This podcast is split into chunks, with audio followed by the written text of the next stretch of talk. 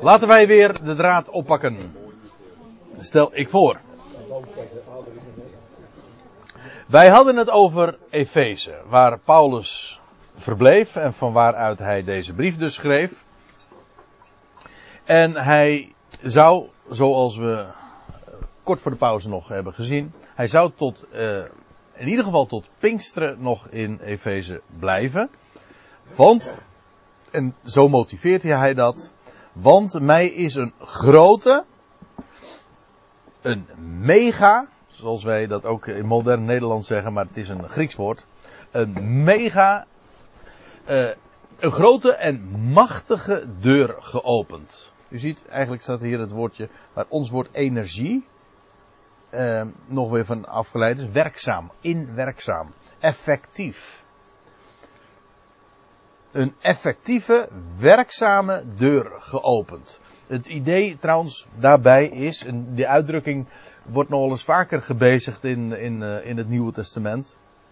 Over deuren die open gaan. Nou, die heeft, zo'n zo'n uitdrukking heeft nauwelijks toelichting nodig, want we, je begrijpt meteen waar het over gaat. Het vindt namelijk letterlijk ingang. Dus, het vindt ingang. Een grote, machtige deur.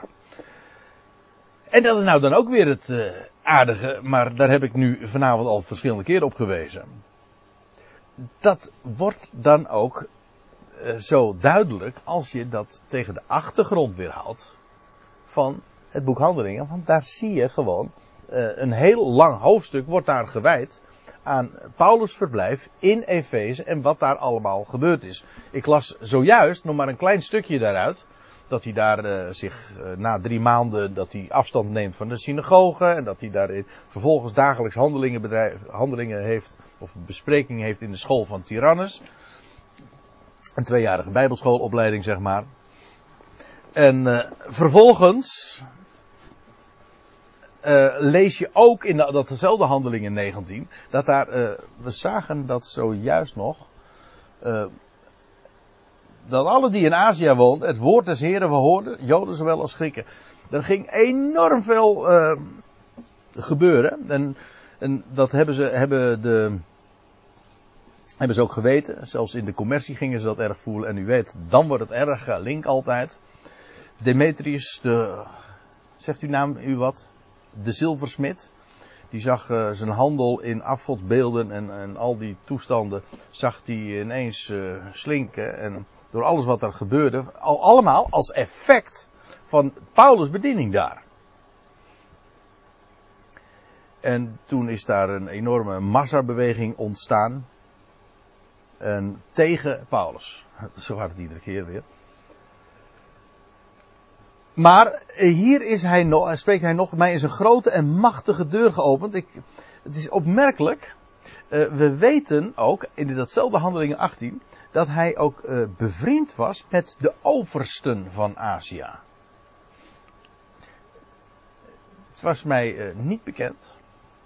Ik had het nooit zo gelezen, maar toen ik de, de schriftplaats nog eens nabe, nakeek, dacht ik, verracht joh zou, en ik, ik, leg het gewoon als vraag in uw midden. Het is voor mij een vraag, ik kan het niet direct bewijzen. Maar als hij zegt een hele effectieve deur is daar geopend, zou dat te maken kunnen hebben, u hoort de vraag hè, zou dat te maken kunnen hebben met het feit dat hij daar uh, top op het hoogste niveau zijn contacten had, bevriende contacten had. Met autoriteiten.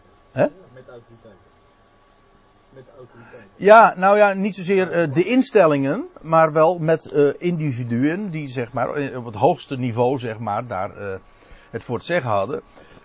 Want je leest in vers 31 van Handelingen 19, zelfs zonder, ja, oh ja, dan komt Paulus leven in gevaar en dan zijn het een aantal mensen, enige van de oversten van Azië, en die hem wel gezind waren, maar u ziet, letterlijk staat daar hier het gewone Griekse woord voor vrienden. Dat waren vrienden van hem. En die, nou ja, die namen het voor hem op. En die waarschuwen hem om niet naar het theater te gaan vanwege die enorme volkstoeloop. En dan. U kent dat, het is een heel bekend theater. Als je nu nog naar Efeze toe gaat, dan kun je, dan, ik ben er zelf nooit geweest trouwens, maar dan, uh, ik ken het wel van plaatjes. Wie is er wel eens geweest? En ben je ook in, in ongetwijfeld daar in dat theater geweest? Zo'n, uh, hoe noemen ze dat ook weer? Een amfitheater, ja. Uh, heel groots. Sorry? Amfibietheater. Ik ben wel eens in zo'n groot amfitheater, ook uit de, uit de dagen van het Nieuwe Testament geweest, in Caesarea. Heb je ook zo'n heel groot uh, amfitheater. Met een enorme akoestiek. Dat is ongelooflijk. Dat is zo knap in elkaar gezet. Als je daar, als je fluistert, ik heb dat toen nog, uh, even iets, even terzijde. Maar uh, toen was onze Joodse gids, die, uh, die vroeg ons om daar bovenin te gaan zitten. Met, met de groep. En hij ging daar beneden, ging die fluisteren. En we hoorden gewoon wat hij zei. Dat is een enorme afstand hoor. Nou ja, enorm. Ik bedoel niet kilometers, maar hè, ik begrijp wat ik bedoel. Het is een hele grote afstand. Hij fluisterde en je hoorde heel goed wat hij zei. Een enorme akoestiek. Hè? Natuurlijke versterking. Ja, ja. En dat is de schepping. We hebben totaal geen kracht nodig om, om iets te presteren. Nee, schepping ja, heeft in wezen alles. Ja, het, uh, heb je geen microfoon nodig? Nee, geen geluidsversterkers. Ook geen auto en zo. Een behoorlijk theater. Wat zeg je? Wel een behoorlijk theater. Wel, ja, ja, want ik denk dat er toch heel wat bij kijken komt om zo'n theater in elkaar te zetten. En ook heel wat eh, denkkracht. Nou ja, de- oh, daarover eh, gaat het nu even niet. Maar in elk geval, eh, dan vond, vindt daar zo'n eh, vergadering plaats, een grote volksvergadering. En Paulus is daar het, het onderwerp van gesprek. In ieder geval, hij had eh, bevrienden, er staat dan die hem wel gezind waren, maar letterlijk staat er dus vrienden van de overste van Azië. Dus Paulus had zo zijn, zijn ingangen ook in dat opzicht. Zijn deuren. En bedoelt hij dat met, de, met een, een, effect, een effectieve deur? Ik weet het niet. In elk geval, eh, er gebeurde in die twee jaren heel, heel veel. In Efeze. Maar zegt, en dat is dan ook wel weer eh, opmerkelijk, en dat hoort er gewoon bij. En er zijn veel tegenstanders. Veel. Die, die twee gaan altijd hand in hand. Als er een deur geopend wordt, dan kun je er vergif op innemen, dan is daar enorm veel oppositie. Nou ja, eh, lees het boek Handelingen. Eh, dan zie je dat, eh, ik heb het nu over handelingen 19, maar handelingen 18, handelingen 17. Nou, ik zit zo eventjes in, gedachten nu even terug te bladeren. Maar het is, het is elk hoofdstuk is het, is dat, zie je dat principe. Er worden deuren geopend. In, nou, in, daar in, eh, in Efeze wel heel extreem zelfs hoor. De, de ingang die Paulus daar gehad heeft in Efeze is, is enorm geweest. En, maar gelijk op daar ook weer die oppositie, die tegenstand. Dat hoort er gewoon bij. Als je de boodschap doorgeeft en er gaat een deur open, dan is het eh, een kenmerk van, van die open deur ook dat er ook heel veel tegenstand is. We, lezen, we lazen al eerder trouwens in, uh, over die tegenstanders in Efeze. Want wat hadden we gezien in 1 Korinthe 15 vers 32? Wat Paulus zegt. Indien ik te Efeze, waar hij dus zich bevond, uh, naar de mensen, menselijkerwijs gesproken, met wilde dieren gevochten heb, wat baat het mij? Ik bedoel, dit lag allemaal nog heel erg vers in zijn geheugen. Hij heeft, hij heeft, het is gewoon een beestachtig gevecht geweest, waar, wat hij over strijd gesproken, waar Paulus in verwikkeld was. Hij zegt, ik heb met, beesten gevochten. Hij zegt maar, ja, nou ja, toen ging het er even over uh, wat Paulus' motivatie was. Hij wat baat het mij? Hij zegt, wat, wat voor voordelen heb ik daarvan? En toen ging het om de vraag, indien er geen, of het punt, indien er geen doden opgewekt worden. Nou, uh, dan, dan, uh, dan zou je het wel uit je hoofd halen. Om, zo, om, je op die manier in te gaan zetten. Maar Paulus wist waar hij het voor deed. Hij, was hij had een missie. Hij wist, het gaat helemaal niet om dit leventje hier, want dat stelt niks voor. Als je het bekijkt op het, als je het goed weet te beoordelen, naar waarde weet dit leven, dit, dit korte verblijf, die paar decennia, die wij zo verschrikkelijk belangrijk vinden, maar waarom? Omdat we niks anders zien. Maar dit is, dit is. Dit is, ik vind dat uh, een vergelijking die ik ooit eens een keer hoorde en ik blijf hem uh, zo mooi vinden. Dit leven hier is niet anders dan een zandkorreltje op een eindeloos strand. In feite is dat nog een hele magere vergelijking. Want we hebben het nu over het, het onvergankelijke. En wij denken dat dit zo belangrijk is. Dat is het niet. Kijk, en als je. Paulus, ja, die had daar zicht op. Ik, hij zegt in de tweede Korinthebrief. Ik eventjes. Uh, in 2 Korinthe 4.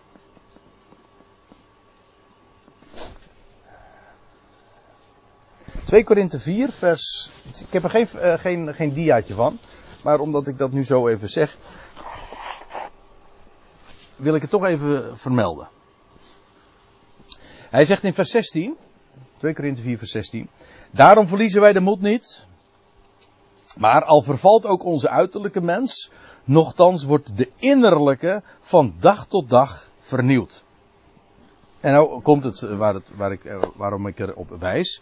Want de lichte last der verdrukking, hij noemt dat de lichte last van verdrukking. Waarom? Op zichzelf genomen was het misschien, als je het allemaal leest wat hij daar meemaakte, dan zouden wij zeggen van hoe, hoe speel je het klaar om zo goed optimistisch en met vol moed en zo gedreven verder te gaan. Maar Paulus zegt, het is een lichte last der verdrukking. Dat komt omdat Paulus wist hoe hij dat kon relativeren. Het woordje relativeren, vind ik een mooi woord, dat betekent in relatie brengen tot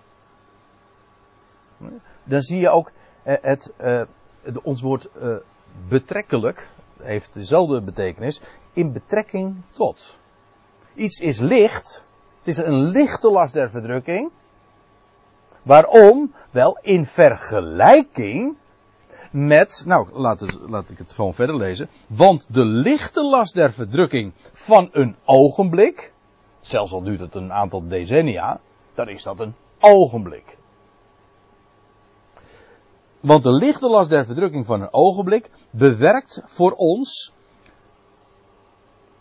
een alles verre te bovengaand ionisch gewicht van heerlijkheid. Daar wij niet zien op het zichtbare, maar op het onzichtbare, want het, het zichtbare uh, is tijdelijk, of dat wil zeggen voor het moment, maar het onzichtbare is ionisch. Kijk, en dit is nou precies het, het geheim wat, ja, wat Paulus etaleert in zijn leven, maar ook in zijn brieven. Hij wist, hij kon dat, de verdrukking, kon hij in relatie brengen met waar het echt om gaat. Namelijk de ionen die nog gaan komen. Van heerlijkheid.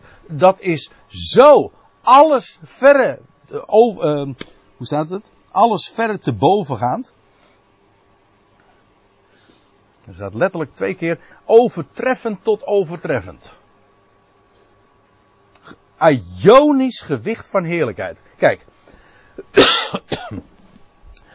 Dat is de vergelijking. Als je de verdrukking die Paulus allemaal ondervond aangaande het en, aangaande en voor het evangelie, dat is slechts licht. Het is bovendien maar een moment. Ten opzichte van wat dan? Nou, ten opzichte van dat ionisch gewicht van heerlijkheid. Dat niet alleen in lengte zoveel, zo enorm veel omvattender is, maar ook het gewicht zelf, kwalitatief bedoel ik. Dat is, ja, in Romeinen 8 zegt hij, het is niet eens waard vergeleken te worden. Kijk, dat is echt relativeren. Dat wil niet zeggen dat je die verdrukking dus veronachtzaamt. Nee, je brengt het in relatie met. En dan zie je de echte verhoudingen. Dan kun je het ook inderdaad relativeren. En dan zie je het betrekkelijke er ook van. Dat kun je alleen maar doen. Uh, wanneer je ook weet wat er tegenover staat. Als je dat niet ziet. Als je geen oog hebt voor, ja, dat, voor het onzichtbare. Klinkt ook een beetje gek als ik het zo zeg. Als je geen oog hebt voor het onzichtbare. Dat wat je niet ziet, namelijk de ionen en dat geweldige heerlijkheid. Maar als je ogen daarvoor geopend zijn. Dan ga je dit, het lijden hier. Het gaat hier dan specifiek om het lijden voor het evangelie. Ga je relativeren. Dan, zeg je, dan, dan, ga, dan ga je taal bezigen die Paulus hier bezigt. Het is een lichte last van verdrukking voor een ogenblik. Ja.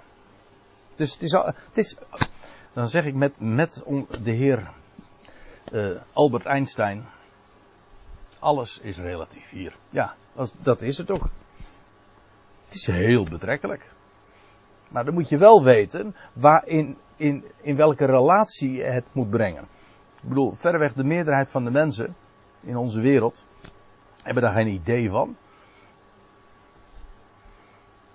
Als je alleen, als dit alles is, ja, als dit alles is, dan kun je niet eens relativeren, want uh, er, is, er, is nou, je, er is niets waar je het mee kunt vergelijken. Dit is waar we het mee moeten doen.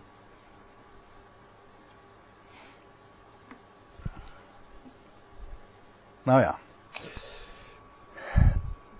Efeze. Hij had daar, uh, met, uh, hij had daar inderdaad een enorme strijd. Met wilde dieren, met beesten gevochten.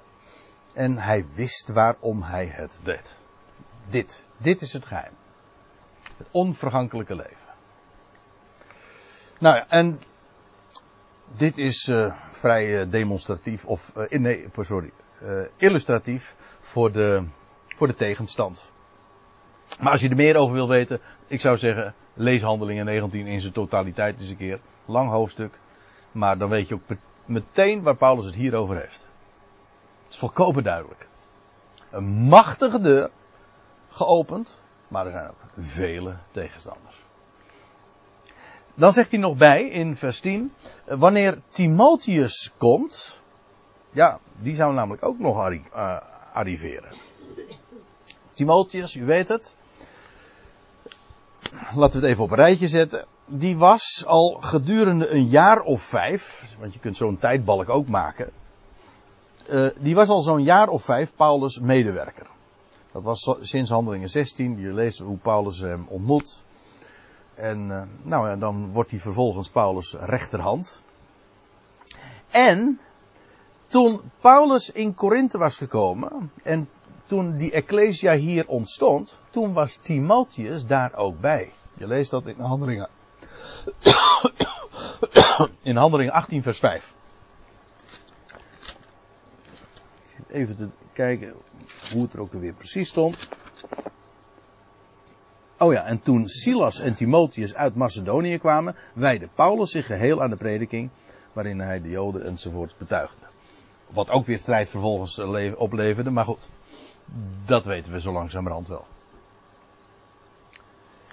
Uh, dus Timotheus had daar ook aan de wieg van die Ecclesia gestaan. Hij was trouwens, dat weten we ook uit Handelingen 19, door Paulus gezonden via Macedonië. Dat wil zeggen, vanuit Efeze was hij gezonden naar uh, Korinthe.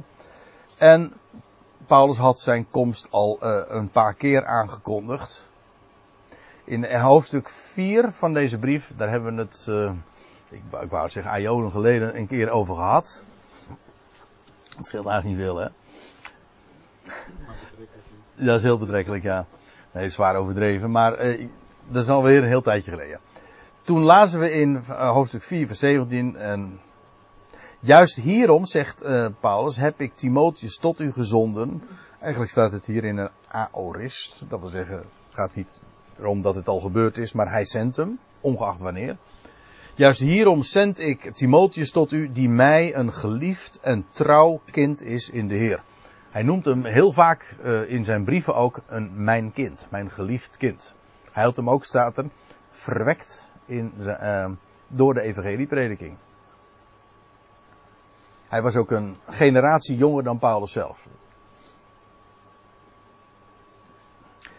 we zullen dat zien. En dan staat er, hij, en als, als die Timotheus dan in Korinthe zou komen, dan wat zou hij dan doen? Hij zal, zegt Paulus dan, u mijn wegen, hij zal u mijn wegen in Christus Jezus, typische uh, Paulinische uitdrukking, indachtig maken, zoals die overal in elke ecclesia leert.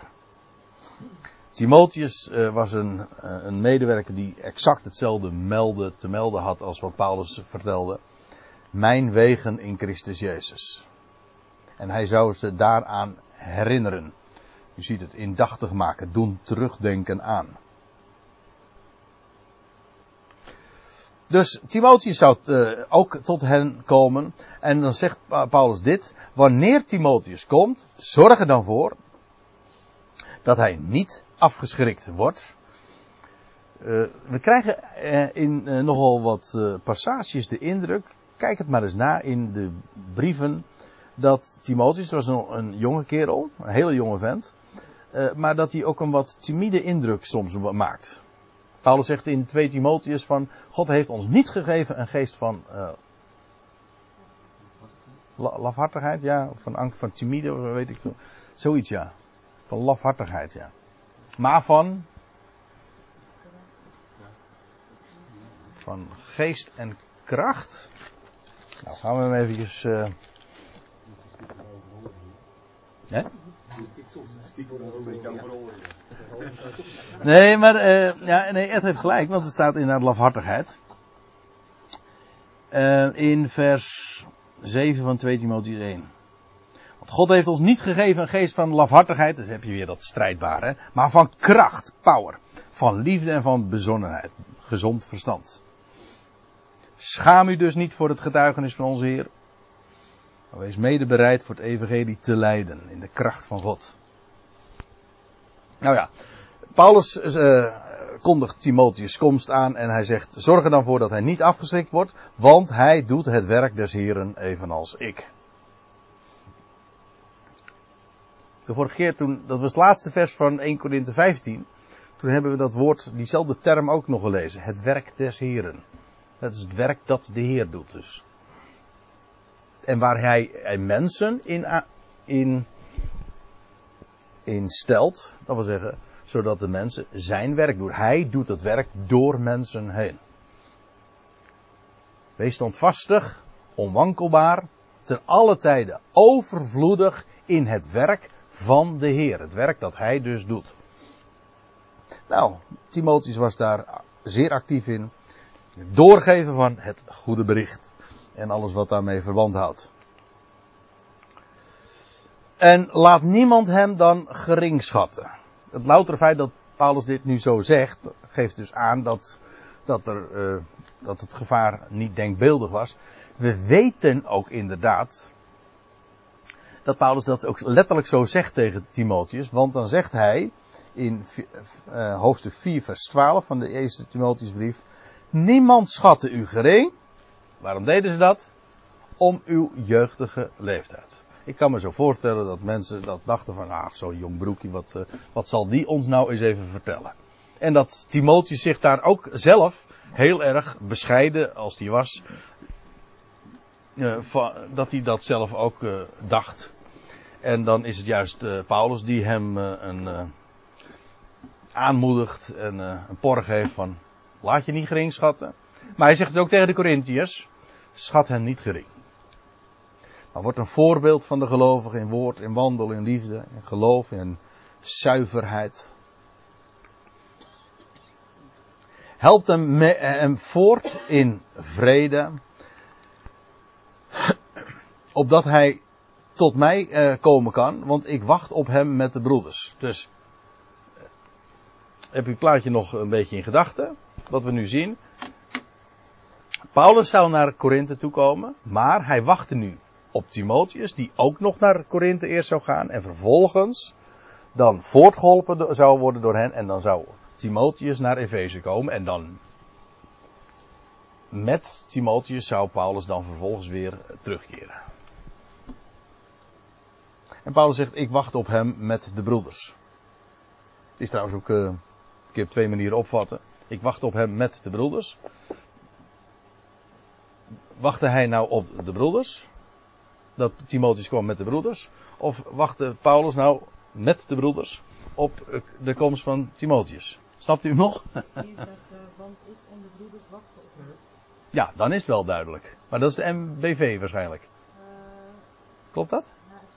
Ja, oh, daar, oké. Okay. En in de Statenvertaling staat, uh, want ik verwacht hem met de broeders. Ja, maar dat is, dan, dan heb je er zelf. Hier zie je trouwens, want want ik wacht uh, uh, op hem met de broeders. Ja, dat kun je dus uh, op twee manieren opvatten. In elk geval, Paulus, Paulus wacht op hem. Ja. daar in Efeze. En trouwens zegt hij dan nog erbij, wat broeder Apollos aangaat. Nou, die Apollos, die, hebben we, die zijn we nou in de bespreking van de Korinthebrief ook al heel wat keren tegengekomen. Hoe, hoe was het ook weer, uh, weet je dat nog, uh, wie die Apollos was? Ja, we komen hem voor het eerst tegen in Handelingen 18. Was hij nog niet up-to-date? Nee, nee, want je. Nou, laten we het maar lezen. Handelingen 18. Ik heb ook hier weer even een plaatje van.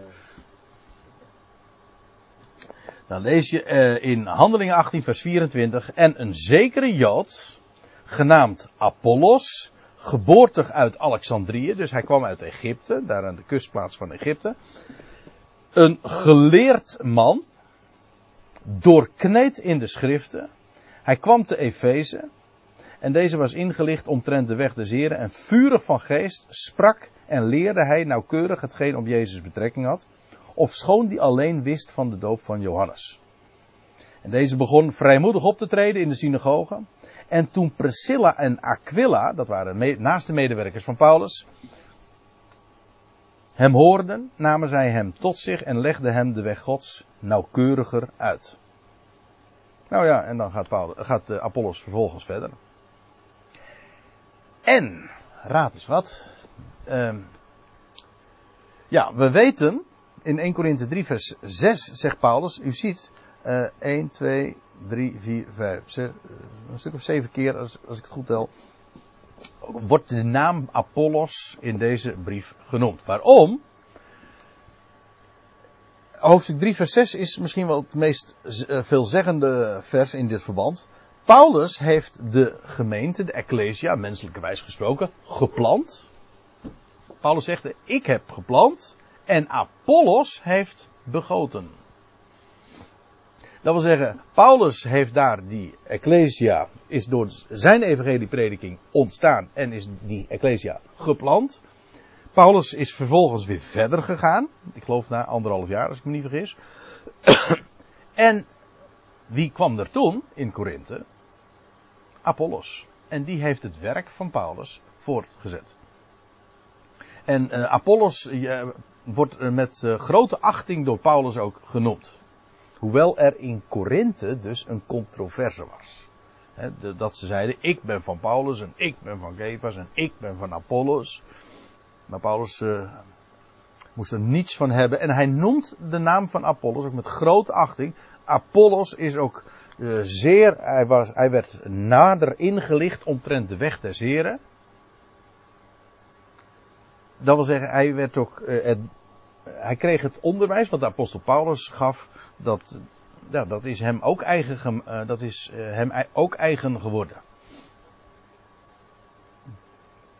We lezen ook inderdaad in Handelingen 19 vers 1, en daar zie je het weer. En terwijl Apollos te Korinthe was, geschiedde het dat Paulus na door de bovenlanden gereisd zijn in Efeze kwam. Zie je? Toen Paulus in Efeze was, toen was Apollos in Korinthe. Dus die, Paulus had daar in Korinthe de Ecclesia geplant. En vervolgens, hij heeft zijn hielen gelicht en is het Apollos die de Ecclesia daar verder opbouwt en begiet. Om even in agrarische termen te spreken. Nou, nou zegt Paulus er nog bij, ik heb hem laat ik even de bespreking van dit vers nog even voltooien. Dan gaan we de volgende keer verder met vers 13. Ik heb hem herhaaldelijk verzocht. Letterlijk staat er uh, vaak aangemoedigd. Parakaleo. Aangemoedigd op, bemoedigd. Ik heb hem vaak veel uh, aangemoedigd met de broeders tot u te gaan. Want, uh, daar moet ik er ook nog even bij zeggen. weliswaar heeft Apollos daar begoten. Maar ook Apollos is daar weer, weer weggegaan inmiddels. Maar hij wenste bepaald niet nu te gaan. Staat er heel sterk trouwens. Hij, hij wilde totaal niet. Ja, dat, is, dat zeg jij nou weer. En dit klinkt ook heel negatief, maar het, ging het gaat er niet om dat hij niet totaal niet wil, naar hen toe wilde gaan. Maar hij wilde totaal nu niet. Hij had namelijk andere bezigheden. Hij, hij, was niet in staat om dat nu te doen. Hij wilde dat nu beslist niet. Totaal niet. Maar, eh, en het loutere feit dat, hij, eh, dat het maar niet zomaar was van hij had geen zin. Nee, hij zal gaan zodra het hem gelegen komt. Zodra, daar, zodra hij daar de goede gelegenheid voor zou hebben. Ja. Nou, we konden nu verder gaan met vers 13, maar zoals gezegd, ik stel voor dat we het hier maar even bij laten. Dan hebben we trouwens voor de volgende keer nog een aantal versen en dat lijkt me wel erg uh, mooi en uitgekiend om dat, uh, daarmee de bespreking van de eerste Korinthebrief ook af te ronden. Dat zijn nog in totaal hoeveel versen? Elf. Elf versen. Nou, dat moet te doen zijn. Dus de volgende keer gaan wij verder in 1 Korinthe 16 vers 13. Zo de Heer wil, zeggen wij er altijd natuurlijk bij. Want je weet maar nooit. Hè? Drie weken. Ja, dat moet ik er inderdaad ook nog even bij zeggen. Dat is de, uh, de agenda is aangepast. Kijk maar eens even na op de website. Maar het is wel heel simpel. Het was namelijk wel eens een beetje complex. Uh, maar nu is het simpel. Het is gewoon elke drie weken. Tot het zomerseizoen is dat tenminste de planning. En dat uh, over drie weken is dus vandaag 8 plus 21. 29. Dat zou de 29ste zijn.